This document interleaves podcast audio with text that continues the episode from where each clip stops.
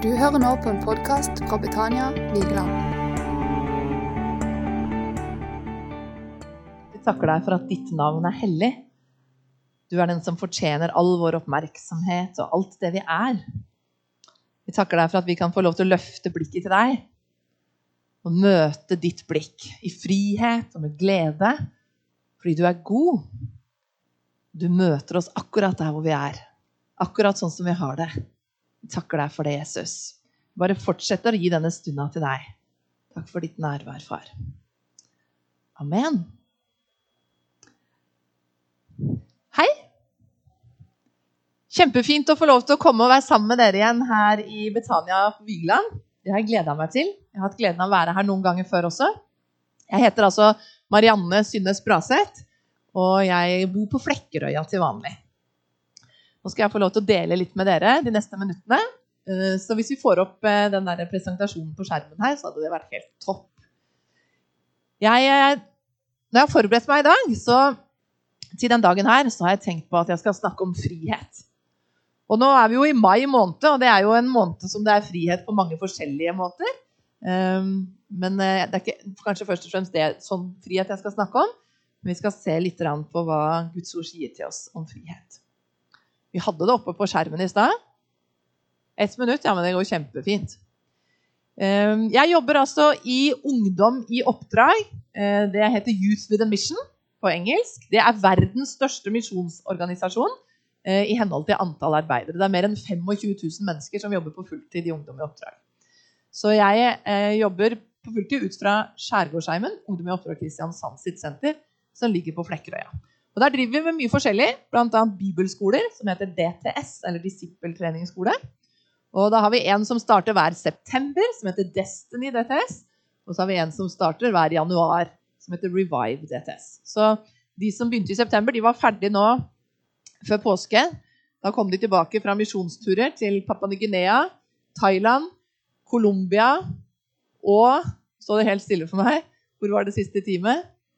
Colombia, Thailand, Papua Ny-Guinea og ja, nå står det helt stille for meg. Og så har vi et team som er ute akkurat nå, som er i Midtøsten, i eh, Thailand og i Portugal. Så det er spennende å høre hva de får lov til å være med på. Så bra. Vi skal snakke om frihet. Eh, det her er litt det som jeg har sagt nå. Hvis du har lyst til å se litt mer hva UiO Kristiansand er, så kan du gå inn på hjemmesiden YOM. altså Det er Youth with a Mission. YOMkristiansand.no. Eh, den DTS-en som starter i september, det er en DTS hvor generasjonene er sammen. Så der er det også studenter helt opp til 70 år. Liksom, det er utrolig herlig. Fra mange nasjoner. Generasjonene sammen. Så det er noen brosjyrer om DTS der ute også på bordet. Så jeg har bare lyst til å nevne Descend. Har dere hørt om det? Ja, jeg håper dere har hørt om det. Eh, 25.6 blir det en kjempesamling på Telenor Arena. Eh, tolv eh, timer hvor vi skal bare løfte opp Jesu navn og utfordre hverandre til å gå for han. Det er et eh, arrangement som eh, mer enn 25 ulike organisasjoner og bevegelser går sammen om. Det har vært ganske mye om det i media også. Jeg har bare lyst til å anbefale det skikkelig. Jeg tror det blir et historisk møtepunkt som kommer til å få store konsekvenser både for vårt land og for Europa og for misjon. Eh, og det er jo et, et arrangement som ikke bare er et arrangement, men det er en hel bevegelse. Så Vi har team som reiser rundt nå i hele Norge, og som har gjort det i snart to år. Eh, og på en måte mobiliserer for eh, vekkelse og for eh, radikal etterfølgelse av Jesus. Og Det er jo hovedvekt på unge mennesker, ungdommer og unge voksne på DSN. Det er jo plass til over 20 000 på Telenor Arena. Men det er kjempeviktig at vi som er voksne, vi som er foreldre og besteforeldregenerasjonen, at vi også er med. Hvis dette skal bli noe som virkelig er sunt og bærekraftig. Så jeg utfordrer deg til å bli med på Telenor Arena. Jeg gleder meg utrolig til å være der.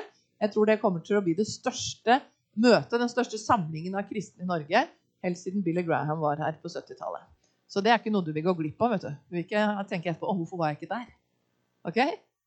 Eh, så har jeg med meg noen bøker fra Proklamedia. Det er Ungdom i oppdrag sitt forlag, som ligger ute på bordet der. Eh, ute i hva kaller det det? inngangspartiet. Så ta gjerne en kikk på det. Jeg har lyst til å anbefale, eh, Det er noen bøker her. Den som heter 'Endelig fri'. Det er en veldig ny bok som handler om det, hvordan vi kan hjelpe mennesker ut av pornografi. Det er både vitnesbyrd om det, men også egentlig en, en, håndbok med gode råd. Hvordan får vi et vokabular til å snakke om disse tingene? Fordi det er en stor utfordring. i samfunnet vårt, og Norge ligger faktisk på verdenstoppen i forhold til forbruk av pornografi. Så det må vi tørre å snakke om og utruste oss til å ha mulighet til å hjelpe hverandre med. Eh, så er det en bok, den har jeg bare to igjen akkurat nå, som er 'Når minoriteten tar majoriteten som gissel'. Som handler om noe med å forstå den ideologien som ligger bak det med eh, skeiv identitet og disse tingene som er så mye framme i samfunnet vårt i dag. En veldig nyttig bok. Eh, ja. Så jeg har bare lyst til å anbefale å ta en titt der. Hvis du kjøper en bok, så er det også med å støtte meg og min familie i tjenesten, fordi jeg får en andel av hver bok jeg selger på Proklameria. Men vi skal snakke om frihet. Fantastisk med frihet. Hæ? Og jeg har tenkt på det at eh, det var jo det som var på Jesus sin agenda, egentlig. Når Jesus kom til jorda, så hadde han et formål. Han hadde et oppdrag. Han hadde noe på hjertet som han ville. Et kall som var gitt han av Gud. Og så står det om det flere steder. Men hvis vi leser f.eks. i Jesaja 61, vers 1-4, så står det egentlig hva som var Jesus sin agenda. Der står det sånn her Jesaja 61, 1-4. Herrens Guds ånd er over meg. For Herren har salvet meg.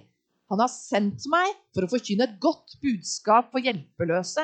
For å forbinde dem som har et knust hjerte, og rope ut frihet for dem som er i fangenskap, og frigjøring for dem som er bundet.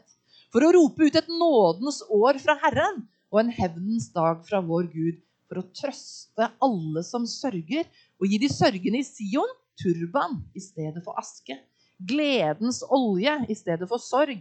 Lovsangsdrakt i stedet for motløs ånd.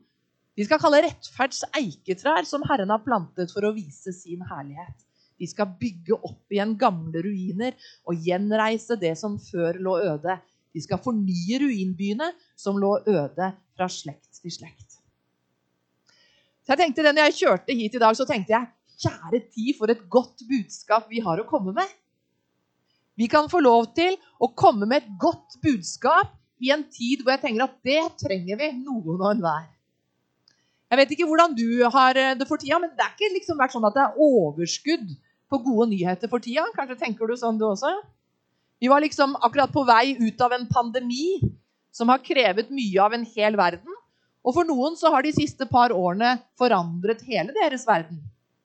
Noen har kanskje mista helsa si eller jobben sin. Noen har mistet noen av sine nære eller kjære. Noen har mistet opplevelser, livshendelser, som var veldig viktig for dem. For et par uker siden så traff jeg en en venn av meg som ikke ser så ofte, som er fra Vestlandet. Og hun fortalte det at i løpet av disse siste to årene så har hun hatt eh, tre begravelser under koronarestriksjoner. Både moren, faren og søsteren hennes døde i løpet av koronaepidemien. Eh, ikke bare av korona, eh, men under de omstendighetene som gjorde at man kunne liksom ikke ha begravelse engang. Man kunne ikke på en måte feire livet og minnes den som var død på vanlig måte. Det har mange ulike konsekvenser. Og så når vi liksom var på vei ut av dette, mer eller mindre inn til det som begynner å ligne på normalen, så smalt liksom krigen i Ukraina til. Det er jo helt uvirkelig, nesten. Da tenker jeg at det er utrolig godt å få lov til å stå sammen om Guds ord. Og få lov til å feste blikket sammen på et godt budskap. Et budskap som aldri forandrer seg. Uansett pandemi eller krig eller uroligheter, enten det er på innsida eller utsida et budskap om frihet. Og Jeg leste det akkurat nå fra Jesaja 61. Og Det ble jo altså sagt, det ble skrevet ned flere hundre år før Jesus gikk rundt på jorda. Det er det som vi kaller en profeti. ikke sant? At det ble forutsagt. Guds ånd talte det allerede før det skjedde. Men allerede da, så lenge før Jesus kom, så var det jo det som brant på Guds hjerte. ikke sant? Å rope ut frihet. Og så gjentar Jesus det samme. Det kan vi lese i Lukas 4 når han kommer og vender tilbake til Nasaret, der som han hadde vokst opp, så står det at han går i synagogen akkurat sånn som han pleide. Ikke sant? Han oppsøkte fellesskapet sånn som han pleide. Så står det i Lukas 4 fra vers 14 at Jesus sier, 'Herrens ånd er over meg'. For han har salvet meg til å forkynne godt budskap på fattige. Han har sendt meg til å rope ut at fanger skal få frihet, at blinde skal få syn igjen, og for å sette undertrykte fri og rope ut et nådens år fra Herren. Er ikke det fantastisk? Det er så viktig at Jesus på en måte må rope det ut. ikke sant? Her leste vi først fra Jesaja 61, og glemte jeg å bytte her i stad. Men det er noe som på en måte skal utbasuneres, det skal proklameres. Og når Jesus gjentar det på nytt, sant, så sier han at det skal ropes ut. Han vil rope det ut. Det er Jesus sin programerklæring. Det definerer hvorfor han kom, hva som motiverer han, hva han liksom bærer i hjertet sitt. Hva som brenner i Guds hjerte. Å rope ut frihet for de hjelpeløse. For de med knuste hjerter. For de som er i fangenskap på forskjellige måter. De som sørger. De som er motløse. De som har ruiner i livet sitt. De som har ting som har gått i stykker. Og det er de gode nyhetene. At det er frihet for deg, det er frihet for meg. For hver enkelt av oss kommer Jesus med sin frihet. Og da er det jo sånn da, at det er greit egentlig å være hjelpeløs. Fordi det er Jesus som er vår hjelper. Det er han som er vår redningsmann. Han er mer enn sterk nok.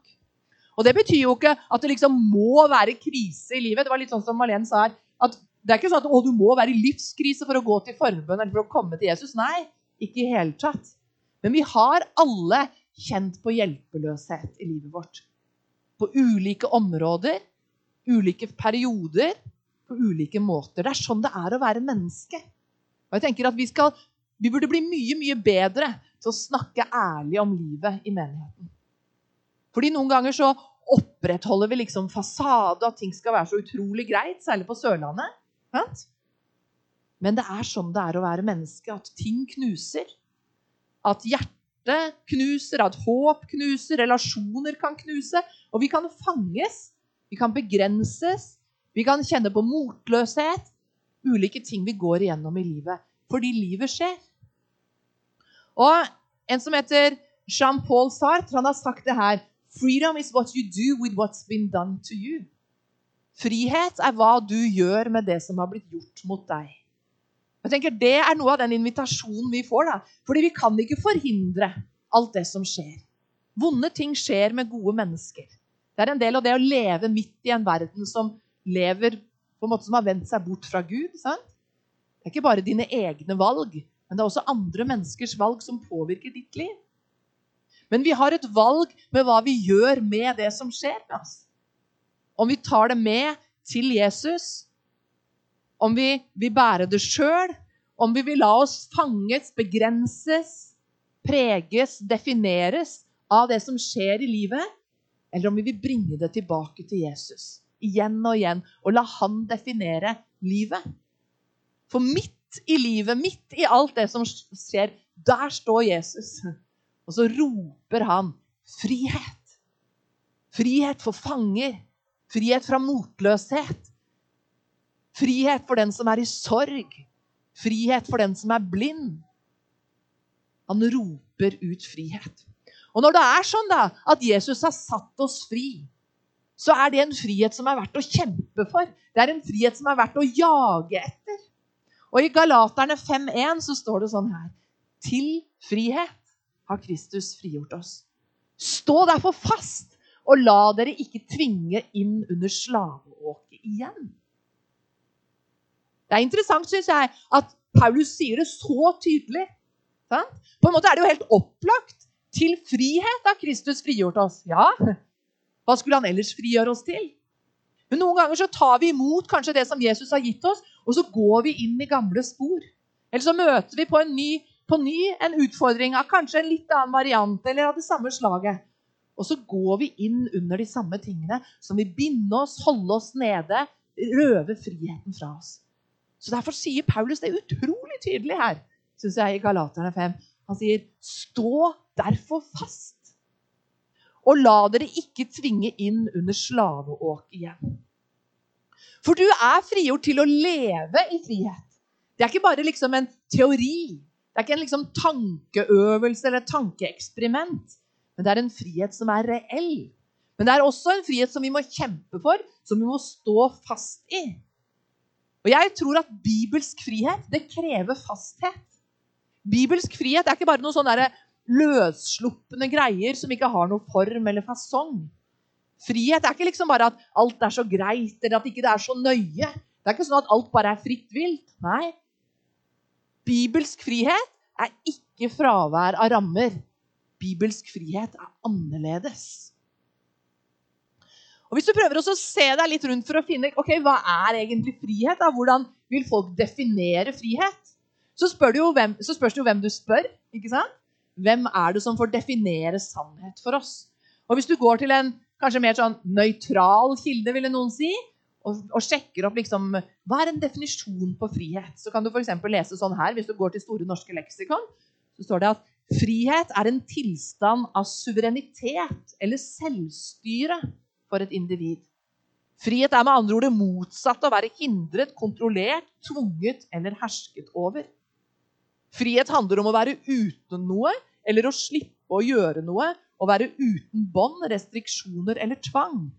Frihet er den kvalitet eller verdi som enkeltindivider har for å kontrollere sine egne handlinger. Vet ikke hva du tenker når du hører det. Jeg tenker det er noe sant i det. Men eh, at vi tenker at frihet er suverenitet. At det er selvstyre for et individ. At du ikke skal være kontrollert. Det er jo fint. Du skal ikke være hersket over. Men i Guds rike så er det en annen frihet. Fordi vi er fri til å ha Jesus som herre. Vi er fri til å løfte Guds standard som liv, eh, livsregel, som, eh, som retning og definisjon for hva som er rett og galt i livet vårt. Og så kom, får vi Guds ånd. ikke sant? Og det står det i Bibelen at der hvor Herrens ånd er, der er det frihet. Det kan vi lese i 2. Korinterbrev 3,17. Herren, det er ånden. Og hvor Herrens ånd er, der er frihet. Jeg tror at det er Den hellige ånd som definerer hva frihet virkelig er. Bibelsk frihet er nemlig å være bundet. Bibelsk frihet er å være bundet til noe som er større enn deg selv. Guds tanker, Guds hensikter for deg og for meg. Fordi det er jo Guds ord som virkelig setter oss fri. Det er ikke godt for oss å bli overlatt til vår egen tanke. Til vår egen vurderingsevne, vår egen suverenitet. tenker, Kjære meg, takke seg til liksom å slippe det. Men så står det det i Johannes 8. I Johannes 8 fra vers 31 og framover så står det Hvis dere blir i mitt ord, er dere virkelig mine disipler. Da skal dere kjenne sannheten, og sannheten skal sette dere fri. Og så protesterer liksom gutta rundt eh, Jesus litt, og så sier han vi er da Abrahams ett og har aldri vært slave for noen. Hvordan kan du da si at vi skal bli fri? Og så svarer Jesus, sannelig, sannelig, jeg sier dere, den som gjør synd, er slave under synden. En slave blir ikke i huset for alltid, men en sønn blir der for alltid. Og får sønnen frigjort dere, da blir dere virkelig fri.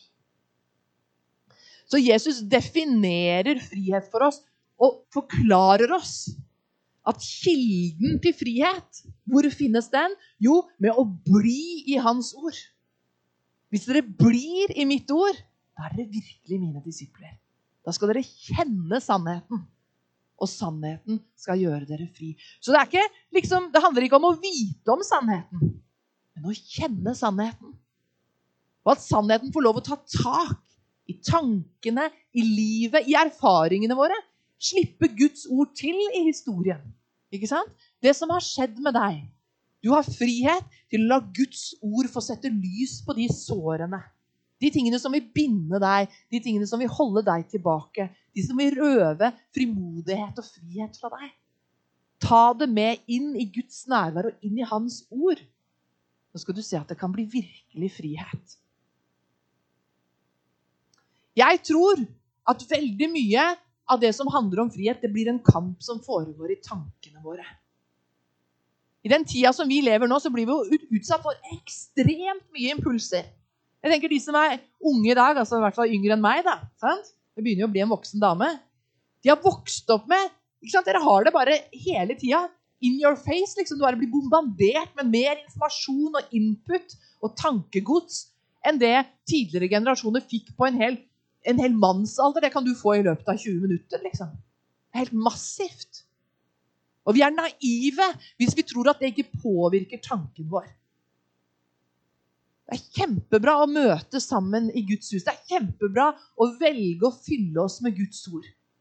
Vi utfordrer deg til å bruke tid hver dag til å ta til deg av Guds ord. For det er så mye annet søppel som forurenser tankene våre. At Hvis vi vil leve i frihet, så må vi fylle oss med det som virkelig er kilden til frihet, og som setter oss fri på ekte. Den ene boka som jeg har med her ute, den heter 'Kampen foregår i tankene'. En veldig bra bok. Og Der eh, skriver eh, Kristin Berge som har boka, skriver litt om hvordan tankene på en måte former oss og styrer oss. Og hvordan det er utrolig viktig å være bevisst på hva vi fyller tanken vår med.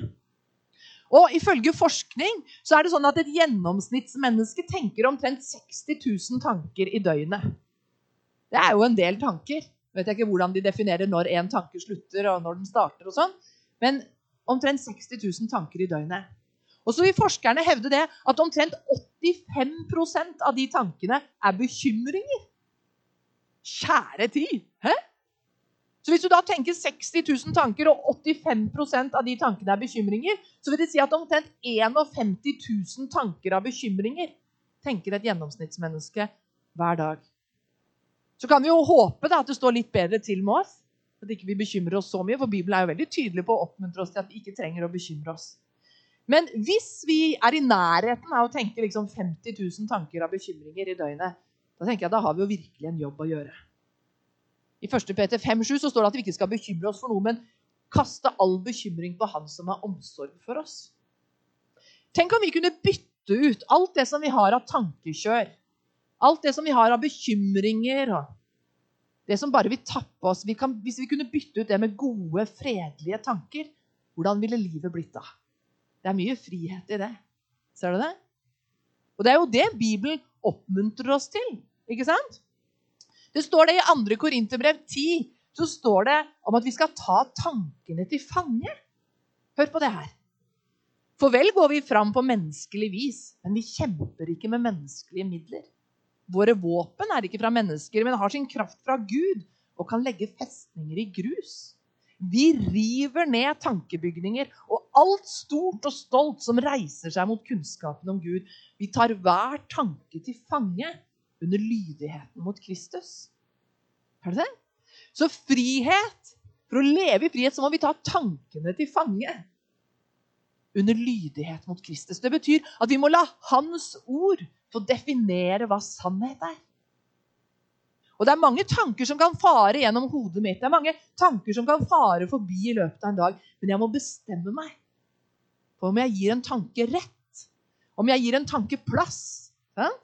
Og så må jeg trene meg opp. og Jo mer jeg fyller meg med Guds ord, jo lettere blir det å avsløre løgner. Jo lettere blir det å avsløre det som vil binde meg, og som vil stjele frihet og glede fra oss.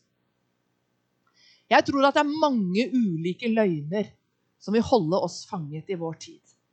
Og Vi må oppmuntre hverandre og hjelpe hverandre til å avsløre og gjennomskue det. Sånn at vi ikke bare blir passive, eh, på en måte passive i det å vandre med hverandre. Fordi Noen ganger så har vi sånne blind spot. Vi har ting vi ikke ser sjøl i vårt eget liv. Og da er det at noen hjelper oss ja, men det er jo ikke sant. Når noen sier noe som du kjenner at nei, men dette stemmer jo ikke med Guds ord. Dette er ikke Jesus sine tanker for deg. Så må vi hjelpe hverandre å løfte opp hva som er Guds tanker.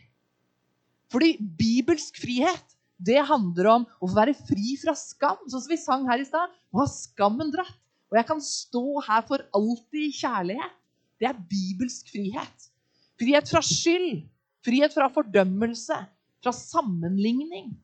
Frihet fra dommens dag. Frihet fra slaveri. Frihet fra all slags avhengighet. Frihet fra enkestand og det å være alene. Frihet fra avvisning. Frihet fra fortapelse. Frihet fra løgntanker. Ja, til og med frihet fra selvsentrerthet. Og Vi kunne gjort den lista mye, mye lenger. Det er fantastisk å bare begynne å nærme oss og trå ut i liksom, den friheten som Guds rike representerer. og gi oss. Jeg mener, Det er verdt en hel haug med 17. mai-tog og alt mulig. Det er virkelig verdt å feire og rope høyt hurra for. Det er verdt å løfte banner for og proklamere ut hva den friheten innebærer, og hvor stor forskjell det faktisk gjør. Jeg har gleden av å snakke med ganske mange mennesker, ganske mange unge mennesker og unge voksne, fordi jeg jobber mye med disippelgjøring og ledertrening. Men også mange i ulike aldre når jeg er rundt forbi og forkynner og underviser. Og det er så mange som bærer på så mye løgn om sin egen verdi. Om sitt eget selvbilde, om sin egen prestasjon. At man tror liksom det handler om å ta seg sammen og gjøre sitt beste. Og så blir det en sånn tung byrde, egentlig, som stjeler glede og fred og frimodighet. Fordi du går med en sånn opplevelse at du strekker aldri til. Men det er jo det som er de gode nyhetene. At Jesus roper ut frihet. Fordi det handler ikke om deg. Det handler ikke om hva du kan få til, hva du har gjort.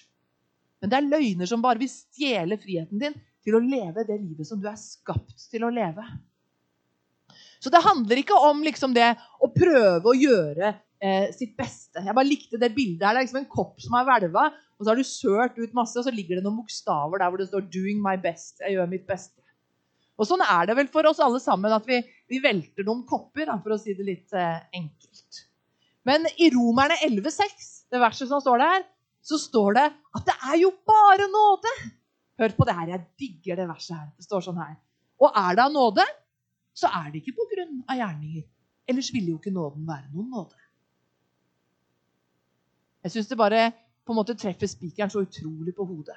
Fordi vi snakker om ikke sant, at vi er, ja, nåde er vi frelst ved tro. Det er ikke vårt eget verk, men Guds gave. Efeserne 2, 8-10.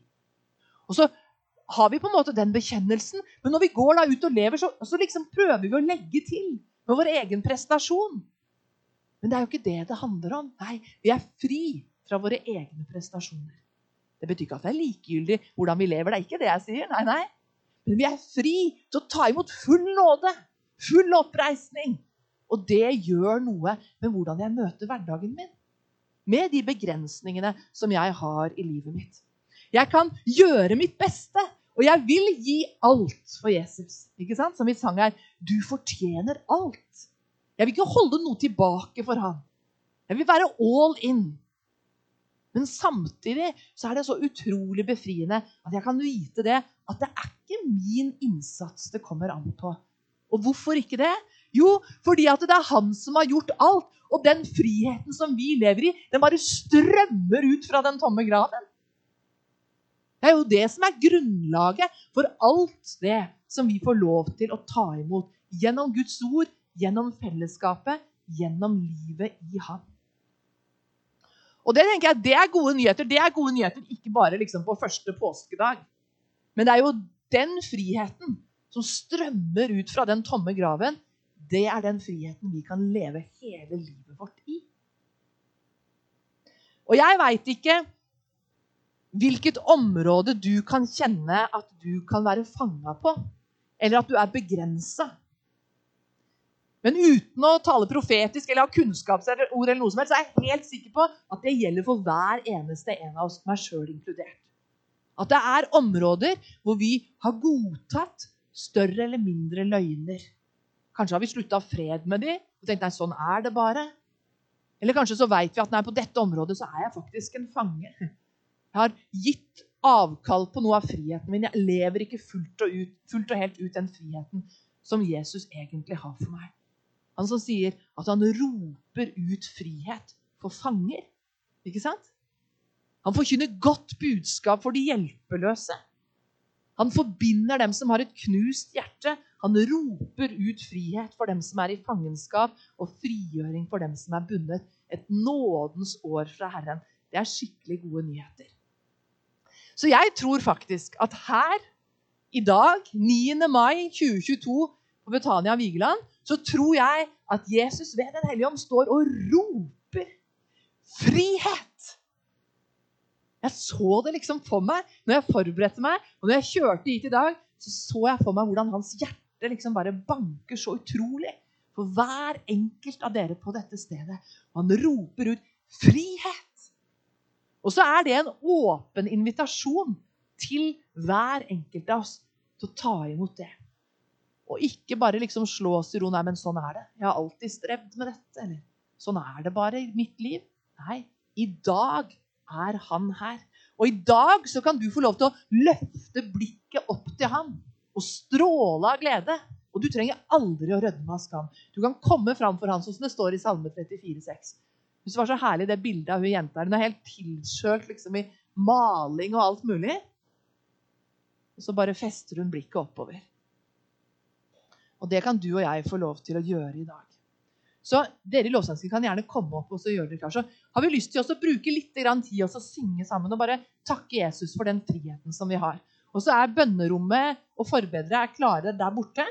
Så jeg har lyst til å virkelig oppmuntre deg til å ta, ta, den anledningen. Benytt den anledningen til å virkelig gå eh, til forbønn og dele med noen. Kanskje er det noe som du kjenner at du, har, at du føler deg skamfull for. Og det er en frihet til å ta det fram i lyset og la lyset sette deg fri. Og kanskje ikke du føler deg som den personen her, som på en måte bare kan eh, hoppe og feire. Men hvis du ser det bildet her sånn, så kan du si at det er en person som både har kontakt med himmelen, så det er en hånd som på en måte rekker opp til himmelen, og allikevel så er det dype daler. Og jeg tror det er det, Sånn handler det om å være menneske. Vi kan leve ut den friheten og være ærlige på at det er dype daler, det er ting som utfordrer meg, det er høye fjell. Men jeg kan få lov til å kaste meg på Gud og strekke meg opp til Han, Han som har frihet for hver enkelt av oss. Så Jesus, vi takker deg fordi du er frihetens konge. Vi takker deg for at du roper ut frihet for alle som er hjelpeløse, alle som har knuste hjerter, alle som er bundet. Og så kommer du, og så har du brutt alle lenker. Takk at du har frigjort oss til frihet. Det er noe som du allerede har gjort. Hjelp oss å stå fast i den friheten og søke inn til deg på nytt og på nytt, sånn at ingen løgner, verken i tankene, i verdien vår eller noe av det som vi står i livet vårt, skal få begrense det livet som du har kalt oss til å leve. Jeg ber at du skal velsigne hver eneste person her i Betania på Vigeland, Herre. Mer av deg, mer av din frihet. Bare vær her med ditt nærvær i Jesu navn. Amen.